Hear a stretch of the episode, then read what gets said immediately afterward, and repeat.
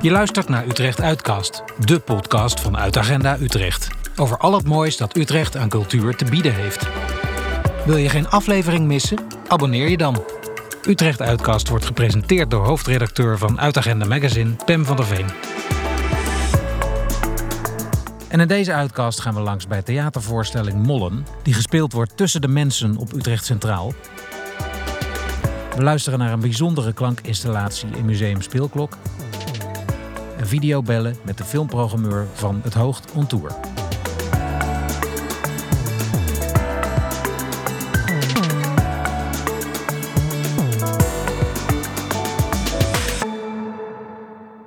De voorstelling Molle speelt zich af in de hal van Utrecht Centraal.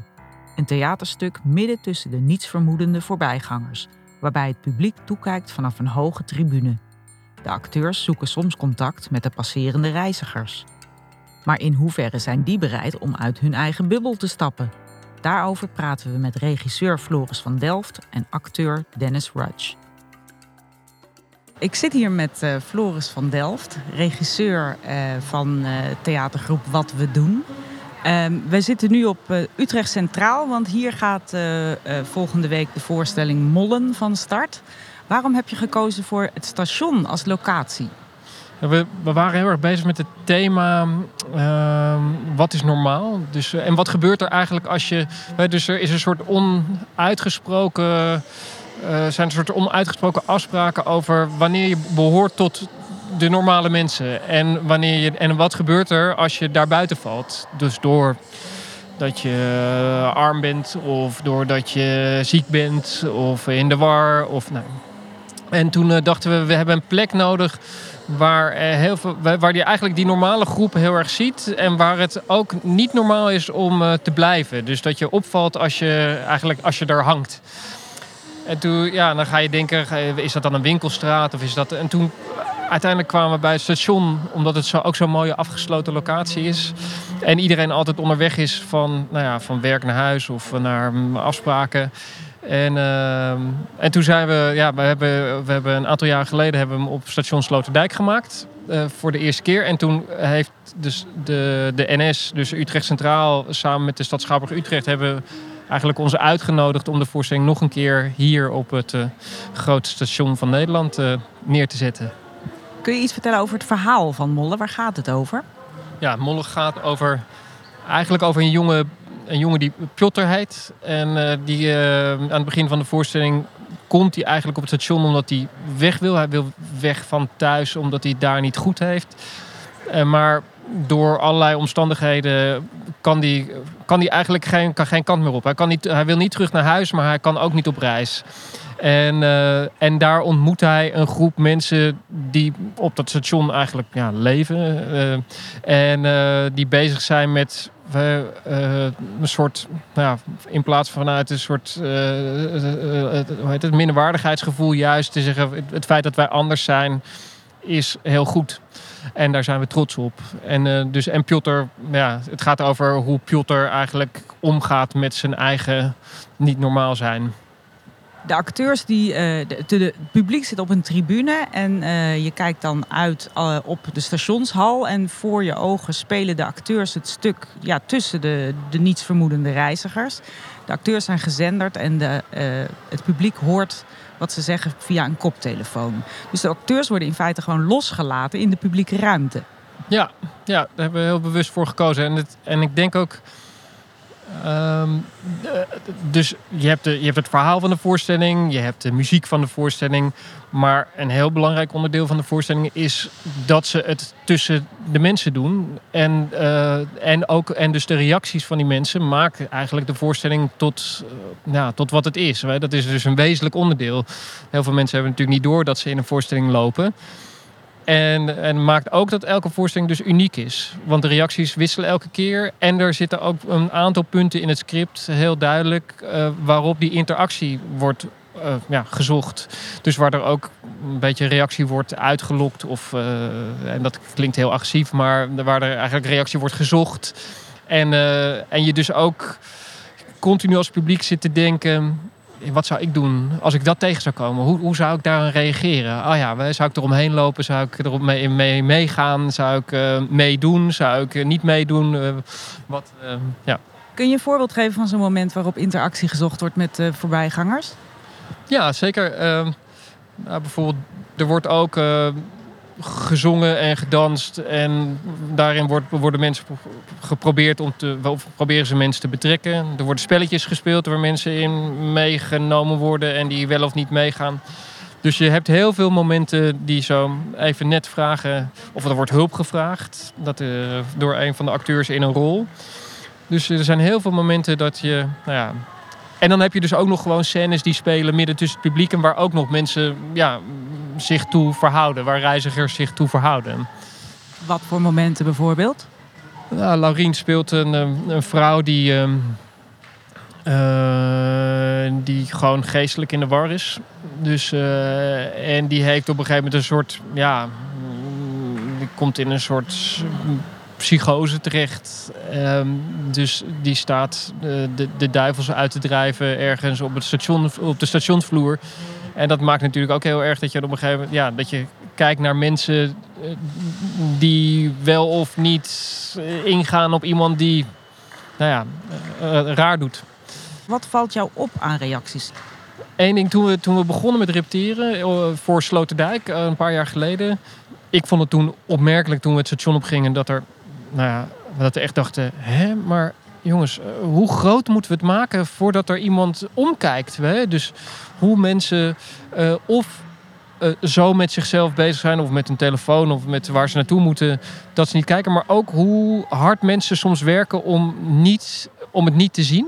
Hè? Dus om juist om zich af te sluiten. Dus je merkt dat hoe druk de wereld eigenlijk is.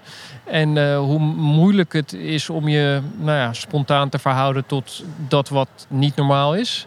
Want je loopt door een station en je denkt: oké, ja, ik, de, de lucht van rookworst. En, uh, we, en dan ga ik lang naar perron 15 en dan stap ik die trein in. En zo hoort het te zijn. Maar als er onderweg iets anders gebeurt, is het heel vreemd. Ik vind het nu opmerkelijk, en ik weet niet waar het door komt, of het het station is, of dat het gewoon te maken heeft met dat we anderhalf jaar corona uh, hebben gehad en dat mensen überhaupt blij zijn om weer andere mensen te zien. Maar dat ik heb het gevoel dat er hier meer gereageerd wordt. En ook uh, wat. Uh, en niet alleen als mensen aangesproken worden, maar ook een soort spontaan. Een soort. Zit een moment in dat twee acteurs op elkaar botsen. En de ene heel heftig reageert. Die roept: hey, hoe kan je niet kijken, joh? En eigenlijk elke keer dat we het repeteren, blijft er wel iemand staan. En even zo kijken: is het oké? Uh, soms wordt Laurien dan aangesproken nog van: joh, gaat het? Ik weet niet. Dus dat, dus, dat, dus dat zijn eigenlijk twee opmerkelijke dingen. Ook hier wordt heel veel genegeerd. Dus, maar het lijkt wel. Nou, het, het lijkt alsof de wereld een tikje vriendelijker is geworden. Wat het toch prettig is. Je laat uh, wel heel veel aan het toeval over. Hè? Want je kunt het publiek, of de reacties van de reizigers niet ehm, sturen. En ook niet van tevoren bedenken. Is dat niet heel eng om een toneelstuk van zo groot toeval te laten afhangen? Ja, dat is ook waarom we het doen. Dus dat is ook wat nou, de voorstelling zo spannend maakt. En, en vooral wat ook heel knap is van de acteurs. Want die staan natuurlijk die staan met een soort enorme dubbele concentratie op de vloer. Aan de ene kant gewoon dat, met dat script in hun hoofd van... oh ja, ik moet deze scène doen. En, uh, en tegelijkertijd met een soort, soort, soort, soort helemaal open... voor wat er om hen heen gebeurt. En elke voorbijganger zou kunnen reageren. En hoe zou die dan kunnen reageren? En ik denk dat het... Uh, in het begin dachten we heel erg van... als er geen reactie komt, um, dan klapt de voorstelling in elkaar... Maar in heel veel situaties is geen reactie, is, heeft ook een enorme impact op het verhaal. Is dus, geeft dus eigenlijk een enorme spanning. Dus het feit dat iemand eigenlijk kapot staat te gaan uh, op een vloer en iedereen loopt voorbij alsof, we, alsof ze niet gezien wordt. Ja, is bijna nog nou, dramatischer, zullen we maar zeggen, dan, uh, dan wanneer er zes mensen staan die zeggen: Joh, meisje, gaat het en, en kan ik je helpen? Locatietheater is echt uh, jullie ding, hè? Wat is er mis met een, uh, een gewoon podium? Nee, er is helemaal niks mis met een podium. Uh, want dat doen we ook. In deze winter doen we een grote zalentournee. Ehm, met een andere voorstelling. Kijk, wat ik leuk vind is dat je theaterbeleving altijd een soort. ook dus een soort avontuur is. En dat is gewoon op locatie is dat al veel sneller. Gewoon het feit dat je niet de, die, die, die veilige zaal ingaat. Eigenlijk veilig waarin je, je in een soort donkere ruimte zit te kijken naar een verlicht, verlichte ruimte waar van alles voor jou gebeurt. En ik vind gewoon dat het, dus dat, dat op locatie dat je al een beetje, doordat je er bent en hier zo open bloot, dus ook je onderdeel bent van die voorstelling. Ik, ik vind dat altijd heel tof. Er is wel een zekere afstand hè, tussen, tot, nou, tot de acteurs. En, en je hoort ze dus door je koptelefoon. Is het, kan je ze wel de hele tijd volgen? Gaan ze niet op in de massa? Soms wel, en dat is ook goed. Dus dat je ze even kwijt bent. Eh, eh, Ik ken de voorstelling en zelfs ik ben ze soms kwijt. Dat ik denk, hè, waar, staat Dennis nou weer? Oh, oh ja, oh, daar is die. Eh, dus, en dat spelen met, eh, dus even, nou ja, met dat we even opgaan in de massa, dus even zo mm, in die, in die normale groep op, oplossen en dan weer eruit springen, dat is ook een belangrijk onderdeel. En het is ook leuk als publiek dat je steeds denkt, oké, waar, waar gebeurt het? Oh ja, oh ja ik, heb, ik, heb, nu heb ik, ik heb ze gevonden, kijk daar. Het is echt een soort breedbeeld waar je naar zit te kijken. Het is zo, eh, zo groot. En dat maakt het ook heel mooi. Geen enkel theater waar je zulke lange lopen kan maken of, eh, zo- of, eh, over zoveel afstand kan spelen als hier. Helemaal te gek. Dankjewel voor het gesprek.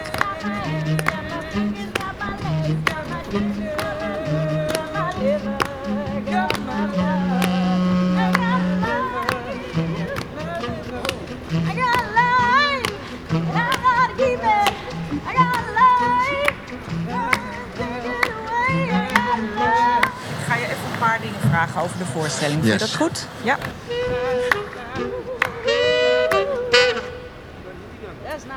Dennis Rudge. Hij speelt eh, eh, de rol van Dennis in de voorstelling Mollen. Kun je iets vertellen over jouw rol van Dennis? Eh, ja, daar kan ik twee dagen over praten. Maar ik zal het kort houden. Kijk, de, die, de Dennis-figuur is een figuur die buiten de maatschappij is gaan staan. Omdat hij uit onvrede over de huidige gang van zaken. Hij- is een, een jurist die waarschijnlijk civiele zaken deed en eh, geconfronteerd werd met onrecht, groot onrecht, maatschappelijk onrecht. Kon daar niet tegen en heeft bedacht, weet je, ik ga het anders doen. Ik ga de mensen gewoon zelf helpen. Ik ga gewoon tussen de mensen staan die eigenlijk normaal mijn cliënten zijn en die ga ik pro bono bijstaan. Maar hij heeft daarin ook een soort blinde vlek. Want hij doet dingen waarvan je zou kunnen zeggen, nou, dat ja, moet je niet doen. Wat dan bijvoorbeeld? Ja, maar dat zijn spoilers. maar hij doet, hij doet dingen die, als je goed oplet in de voorstelling, denk je van, hé, wacht even. Ja, dus, dus hij staat buiten de maatschappij. En hij leeft met mensen samen die ook in de, in de marge van de samenleving hangen. Eraf dreigen te vallen. En die, die, eh, die verzamelt hij om zich heen. En met die mensen vormt hij een soort gemeenschap. En in zijn hoofd is het een, is het een grote beweging. Maar het is in zijn hoofd. Hoe is het voor jou om als acteur om op zo'n, op de, in de publieke ruimte te spelen? Om zo zeg maar je tussen de mensen te begeven en daar je rol te spelen? Eh, de, de ruimte domineert. Want er is heel veel geluid. Er zijn heel veel mensen. Er is heel veel akoestiek. En heel veel inhoud. En dat, dat werkt allemaal mee. Want je hoort het. Bewust of onbewust hoor je geluiden. Je wordt afgeleid door iets wat in de verte afspeelt.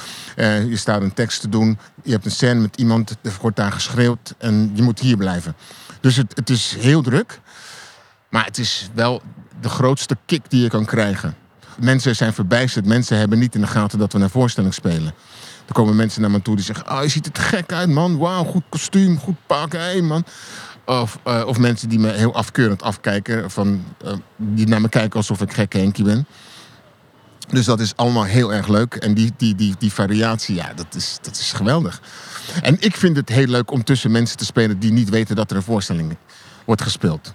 Want er komen ook eh, ehm, een bak visjes langs. Die Want die, ja, ik, ik, zie ik zie er apart uit. En ik giechel dan terug. En ik ga gewoon door met de scène. En ik, ik praat ook tegen mensen. Ik kan alles doen. Ik kan bijna alles doen. Was het maar niet van de scène afleidt. Dus, en het, het, het, het is, het is een, heerlijke, een heerlijke rol om te spelen, kan ik je zeggen. Ja, jij voelt je daar wel vrij in. Je niet gegeneerd of zo. Nee, de gêne heb ik. Het eerste wat ik doe is gêne afleggen, sowieso. Want als je gêne hebt, moet je geen acteur worden. Want dan word je, ben je te zelfbewust en dan schaam je je over alles. Want ja, er is van alles op te merken als je zou willen. Dat heb ik niet. Dat heb ik opgehangen aan de boom ergens. 50 jaar geleden, geloof ik. En eh, vervolgens eh, speel ik gewoon wat ik moet spelen. Want dat is wat ik doe. Moet je daarvoor eh, een drempel over? Nee. Ik heb ook een scène waarin ik dat letterlijk zeg. We zijn hier ter bevordering van de spontane gesprekken. En daar gaat het over. Er zijn te weinig spontane gesprekken. Iedereen kijkt op zijn telefoon, zijn tablet, luistert naar muziek, zit opgesloten in zijn eigen wereld, speelt zijn eigen film, speelt zijn eigen hoofdrol in zijn eigen film. Het is allemaal goed en aardig, maar daardoor leven mensen langs elkaar heen. En hier, dit is het echt het, nou ja, bedoel, hoogtepunt van langs elkaar heen lopen. Letterlijk en figuurlijk. Een wonderlijk fenomeen om te zien hoe mensen zich manoeuvreren door zo'n hal. En hoe ze zich door zo'n hal bewegen zonder tegen elkaar op te lopen. Want ze kijken niet naar elkaar, maar ze botsen niet tegen elkaar op. Maar dat is ook wel een beetje een trieste constatering. Een trieste constatering. Daarom zijn wij hier ter bevordering van het spontane gesprek. En proberen we mensen in een, in een gesprek te lokken. En te vragen van, hé, hey, wat doe je? Wat ga je doen? Heb je gewerkt vandaag? Was het leuk? Eh, Wat heb je gedaan? Wat was het leukste wat je gedaan hebt? Nee, niet vertellen wat niet leuk was, wat wel leuk was. Oké, dat is heel fijn. Dus je, je, je, je geeft mensen een positieve impuls om een positief verhaal te vertellen. Zodat als ze weglopen, dat ze een positief gevoel hebben. Is de voorstelling ook een beetje een oproep aan mensen om wel wat meer om zich heen te kijken en, in, en in, naar de ander te kijken en in contact te gaan? Ja, het is zeker een oproep om ook socialer te zijn naar elkaar. Om ook meer op elkaar te letten en ook meer rekening met elkaar te houden. Want het is gewoon een harde wereld. Ik zou het fijn vinden als mensen, mensen zich meer bewust zouden worden van hun eigen invloed op de samenleving. Dus dat zij eigenlijk met heel weinig iets heel positiefs en heel groots ehm, kunnen veroorzaken. Als jij heel positief bent naar iemand en die iemand geeft dat door, dan ontstaat een soort van olievlek aan positiviteit. Dat zijn mooie slotwoorden, dankjewel. Heel veel succes nog met repeteren en natuurlijk met de voorstelling. Dankjewel, dat gaat zeker lukken, want we hebben er echt zin in.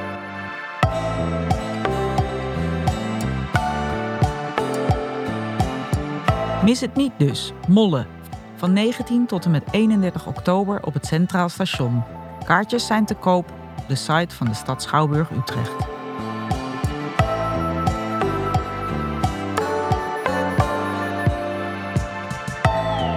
Sinds drie jaar strijkt Filmtheater Het Hoogt regelmatig neer bij culturele instellingen in Utrecht. Onder de naam Hoogt on Tour worden er films vertoond die bij de locatie passen. En het mooie is, er komen steeds meer locaties bij. Tijd om even te videobellen met filmprogrammeur Miranda van Gelder.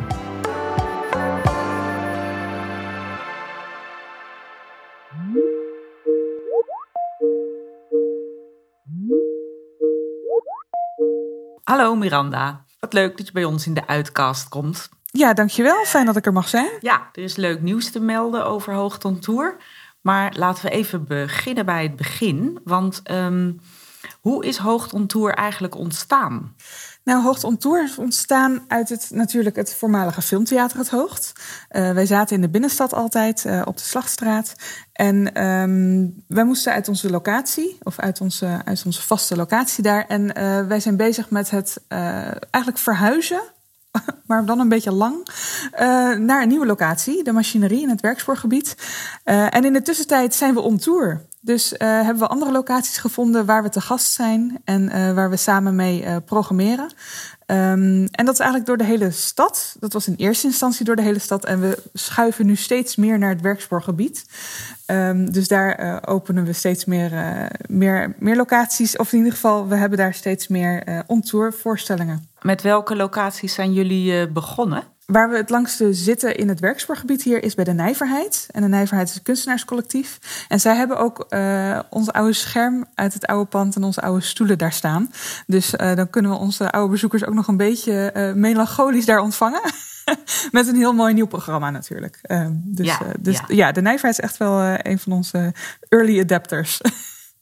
Ja, en in, het, in de Biep op de Neude hebben jullie ook een plek. Ja, klopt. Van dinsdag tot en met zondag draaien we reguliere programmering.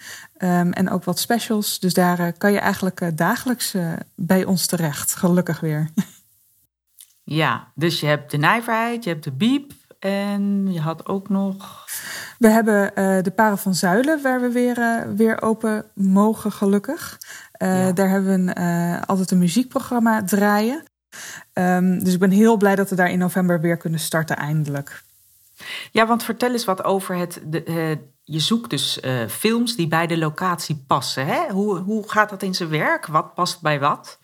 Ja, dat is altijd even zoeken. Dat is ook een gesprek wat we met de locatie natuurlijk aangaan. Wat, eh, nou ja, waar zij warm van worden. Ehm, en dat is bijvoorbeeld bij de nijverheid hebben we al heel snel, omdat het een kunstenaarscollectief is ook, ehm, hebben we heel snel overeengekomen dat we daar iets met kunst wilden doen. Dus dat is een combinatie van film en kunst. Eh, zij organiseren een randprogramma daarbij. Eh, dat kan een expositie zijn, dat kan een theaterstuk zijn, dat, dat kan van alles zijn daar. Het heet dan ook Cine Art, hè, als Dat jullie klopt, eh, ja. programma in Nijverheid. En het, nou, en het programma in de Parel van Zuilen heet Cine Muziek. Waarom past muziek goed bij, dat, bij die plek? De, Parel En aan van- wat voor films moet ik dan denken? De films die we bij de Parel draaien zijn eh, muziekfilms, maar geen concertregistraties. Ehm, en waarom dat zo goed past bij de eh, Parel is omdat zij heel graag. eh, nou ja, ze hebben best wel mooie culturele programmering. Ze hebben ook een muziekpodium daar. Dus zij draaien ook bijvoorbeeld de Parelsessies, waarbij muzikanten te gast zijn. Ehm, dus eh, zij houden erg van muziek. Wij houden ook erg van muziek. En eh, er zijn heel veel hele mooie muziekdocumentaires en eh, biopics natuurlijk over artiesten, die we daar heel mooi, mooi kunnen draaien. En nu ook weer eh, een documentaire waar we in eh, november mee beginnen. Eh, dat is de documentaire Crazy Days. En Crazy Days is een documentaire die gemaakt is door Sanne Rovers, een Nederlandse documentairemaakster. En zij heeft deze documentaire gemaakt in de coronaperiode over de Nationale Opera. En hoe zij die periode door zijn gekomen terwijl ze een, eh, ehm, ja, terwijl ze een opera aan het maken waren. En hoe moeilijk dat was. Hoe is het voor jullie om, om, om van een eh, vast filmhuis opeens een, een roadshow te zijn? Eh, het was best wel even wennen. We zitten nu ook al in een kantoortje op het werkspoorgebied. Ehm, en dat is natuurlijk anders dan dat we eh, boven altijd in het filmtheater zaten. Ik mis de bezoekers best wel. gewoon op dagelijkse basis, zo maar zeggen. Ehm, maar het is ook wel heel erg leuk. En het is heel erg leuk om te zien dat dit gebied hier echt heel erg al aan het bruisen is. Er gebeurt steeds meer. Eh, het wordt mij steeds duidelijker dat, het, dat dit wel de place to be gaat zijn. We gaan- krijgen ook steeds meer eh, gebieden of meer voorstellingen op locaties hier. Dus ook de werkspoorfabriek die hier ook zit eh, bij ons om de hoek. Dat is onderdeel van de stadstuin. Daar hebben we nu een programma net opgezet met de Hogeschool Utrecht. En we hopen in januari te starten bij het Hof van Cartesius, wat ook hier zit. Ah, ja. Om de hoek, ongeveer van kantoor. Ehm, Dus zoals je al zei, jullie schuiven steeds verder de kant van het werkspoorenkwartier op. Zeker, zeker. Ja, ja, ja. Ja. Want die, die nieuwe plek, de Strijders heet het, zag ik. Ja, bij de werkspoorfabriek. Dat klopt. Ehm, we hebben dus met Hogeschool Utrecht eh, een samenwerking. En dat eh, is een programmering ehm, rondom eigenlijk iconische strijders. Eh, dus we zijn begonnen afgelopen maand met I Am Greta over Greta Thunberg. En eh, we hebben in, even kijken, we hebben op eh, 26 oktober hebben we eh Citizen voordraaien. En eh, dat gaat over Edward Snowden. Mhm, de klokkenluider. Ja, inderdaad. En op 23 november hebben we daar eh, I Am Not Your Negro draaien over James Baldwin. En vertel eens wat over die, die eh, uiteindelijke verhuizing naar de machinerie die moet plaatsvinden. Maar die, die is, ligt toch niet in de nabije toekomst, geloof ik. Het wordt in ieder geval eh 2023. Dat is nu het beoogde jaar dat we open gaan. Ehm, en we zijn al wel eh, bezig met wat we daar gaan neerzetten, uiteraard. Met eh, welke programmering we daar willen. Maar ook al, ehm, nou ja, bijvoorbeeld, we hebben net eh, de nieuwe huisstijl eh, staat online. We hebben de website die nu, eh, nu in de lucht is. En er zijn al wat ehm talenthub eh, programma's die draaien. eh, voor eh, nou ja, talentvolle makers. Het liefst uit Utrecht natuurlijk, maar ook omgeving. Die bij ons terecht kunnen bij de machinerie om ehm, ja, alvast ehm, met mooie programma's mee te doen, van elkaar te leren, van professionals te leren. En zo, eh, zo maken we eigenlijk dat opstapje naar dat we hier eh, de machinerie kunnen openen in 2023. Initiatiefnemers, dat zijn Hoogst on Tour, eh Fotodoc en Nederlands Filmfestival. Die, ehm, nou ja, wij hebben bedacht dat we hier, eh, hier een heel mooie, mooie nieuwe locatie van kunnen maken. Eh, ja, het Centrum voor eh, Film- en Beeldcultuur. Er zijn ook heel veel huurders die daar straks in kunnen. En er zijn al heel veel hele interessante mensen die daarbij aan willen sluiten. Waaronder nou ja, animatiemakers Joop, Joris en Marieke. Ehm, ehm, en heel veel mensen eigenlijk in die richting die, eh, die beeld maken, die daarbij bezig zijn. Eh, we zijn in gesprek met de HKU, die daar misschien ook nog wat dingen wil hebben. Kaboom, eh, het animatiefilmfestival is, is altijd welkom. En Ja. daar kunnen we gewoon wat meer dan nou ja, wat we sowieso nu kunnen met ons rondreizende circus. Ehm, we krijgen vier vaste zalen, wat heel erg prettig Oh. is. Ja, we krijgen heel veel ruimte voor. nou ja, er komt een mooie horeca in. Ehm, we krijgen heel veel ruimte voor educatie, maar ook voor, eh, voor bijvoorbeeld een leuk feestje na de film. Dus daar eh, heb ik uitzonderlijk veel zin in. Dan eh, gaan we nog veel genieten van het rondreizende circus en ons alvast verheugen op het neerstrijken in de machinerie. Tot het zover is. eh Dank je wel. Dankjewel.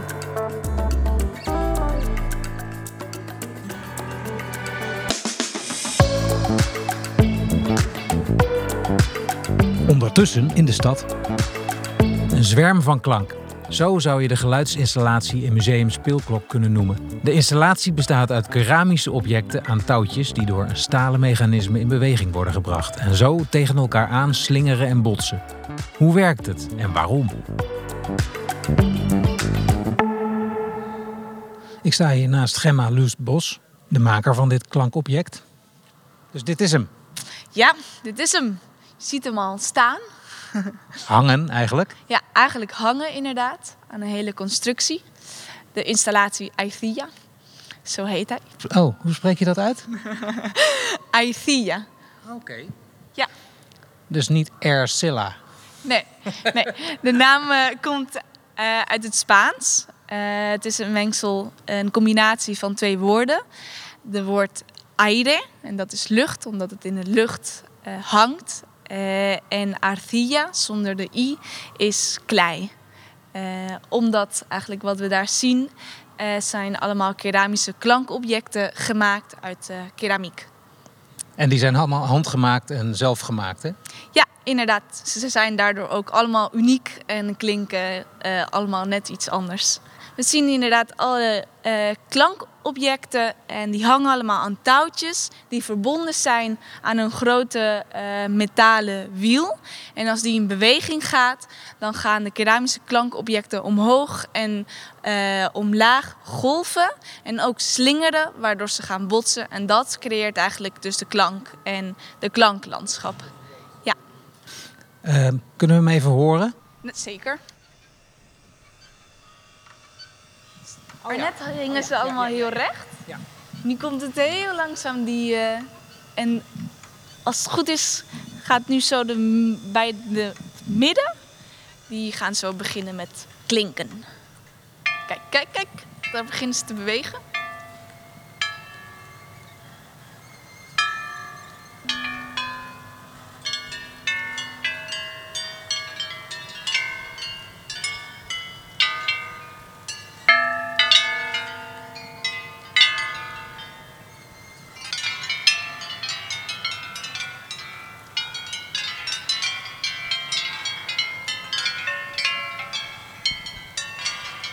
Ik heb het dus samengemaakt met Julian de Vos.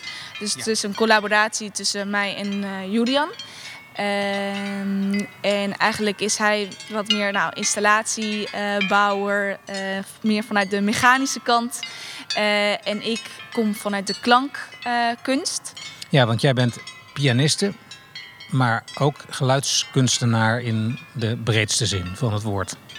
Inderdaad. Ja, ik ben als basis pianist. Eh, maar ik heb me afgelopen twee jaar gespecialiseerd in de klank van klei. Ik heb dus onderzoek gedaan van nou, op eh, welke manieren kan je klank produceren met deze materiaal.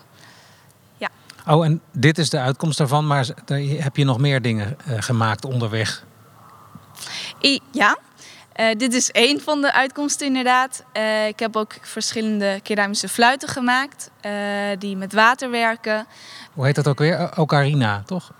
Ja, eh, ook, nou, je hebt oca- het, is- het is eigenlijk, mijn fluiten zijn geïnspireerd op ocarina's. En die komen uit Zuid-Amerika. Eh, en ik heb eigenlijk een eh, grote ocarina ontwikkeld. die je, als je in het water laat zakken, gaat klinken. En die heet Ocaruno. Aha. Mooi. Nou, ben jij ehm, onderdeel van het muziekcollectief Gist. Dat is een Utrechts muziekcollectief, toch? Inderdaad. We zijn eh, met een aantal muzikanten. eh, de meeste, eigenlijk ben ik de enige die niet vanuit eh, de achtergrond jazzmuziek komt. Nou, ik bevind... Nee, er zitten een aantal grote Utrechtse namen in, zoals Ad Kolen en Dion Nijland. En Steven van Kamperman. Steven Kamperman. Eh, ja, en wat eigenlijk eh, zo leuk aan Gist is, is dat we juist eh, van verschillende leeftijden zijn. Dus in die zin zijn er juist ook jonge mensen zoals ik en Ruben. En dus ook juist wat gevorderder muzikanten. Ja, en samen met Gist hebben we nu een aantal concerten gepland hier in het museum. Om juist eigenlijk ook nou ja, avontuurlijke muziek een podium te geven. Eh, mensen willen altijd graag dingen in hokjes, want dat, is, eh, dat maakt het makkelijk Ja. om het te snappen. Ehm, qua muziek, in welk hokje valt dit dan? Geluidskunst zou ik eh, zeggen. De installatie zelf, ja, ja, dat is denk ik echt wel klankkunst. Ja. klanklandschappen eh, is iets wat mensen wat meer zich kunnen voorstellen. En dat past bij de installatie nog beter, omdat het ook echt een bewegende klanklandschap is. Eh, dus eh, ja. Ja. ja. nou ja, en over hokjes. Dit is juist een installatie die zowel nou, geluidskunst is, maar eigenlijk ook heel erg beeldend. En dat is juist eigenlijk het mooie, dat het echt een interdisciplinaire installatie is waar beeld en geluid niet meer vanuit uit elkaar kunnen. Het is gewoon één installatie. Ja, het is eh, gewoon één audio- audiovisueel object eigenlijk. Ja, inderdaad. Jij hebt eh, op het conservatorium Musician 3.0 gestudeerd. Ehm, hoe, leer je daar geluidskunstenaar te worden? Mm, ik denk dat de opleiding Musician 3.0 je een basis leert. eh, voornamelijk in de eerste en tweede jaar. Nou ja, waar je experimenteert met verschillende soorten muziek, met improvisatie, met compositie. Je wordt heel erg uitgedaagd.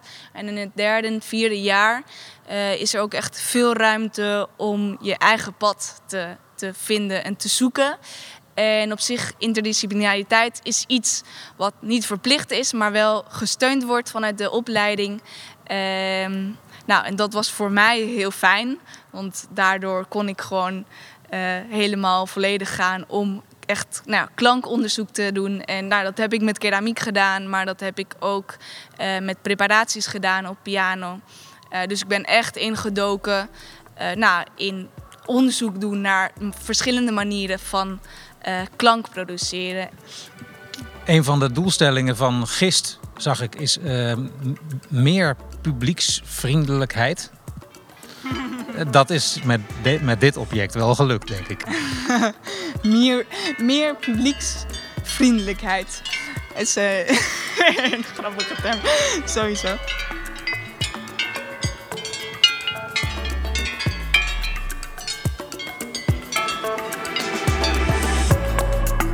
Wil je de klankinstallatie Aithia live zien en horen? Hij hangt tot en met 31 oktober in het middenschip van Museum Speelklok. Op 5 november zijn er performances van andere leden van muziekcollectief Gist in het museum. Kijk op museumspeelklok.nl of gistmuziek.nl. Dit was Utrecht Uitcast. De podcast van Uitagenda Utrecht. Samenstelling en presentatie Pem van der Veen. Muziek en techniek Matthijs Duringhof. Voor meer cultuurnieuws, kijk op uitagendautrecht.nl. Heb je een vraag of reactie? Mail naar redactie.uitagendautrecht.nl. Volg ons op Facebook en Instagram en geef ons sterren of een recensie in je favoriete podcast-app. Bedankt voor het luisteren. Tot over twee weken.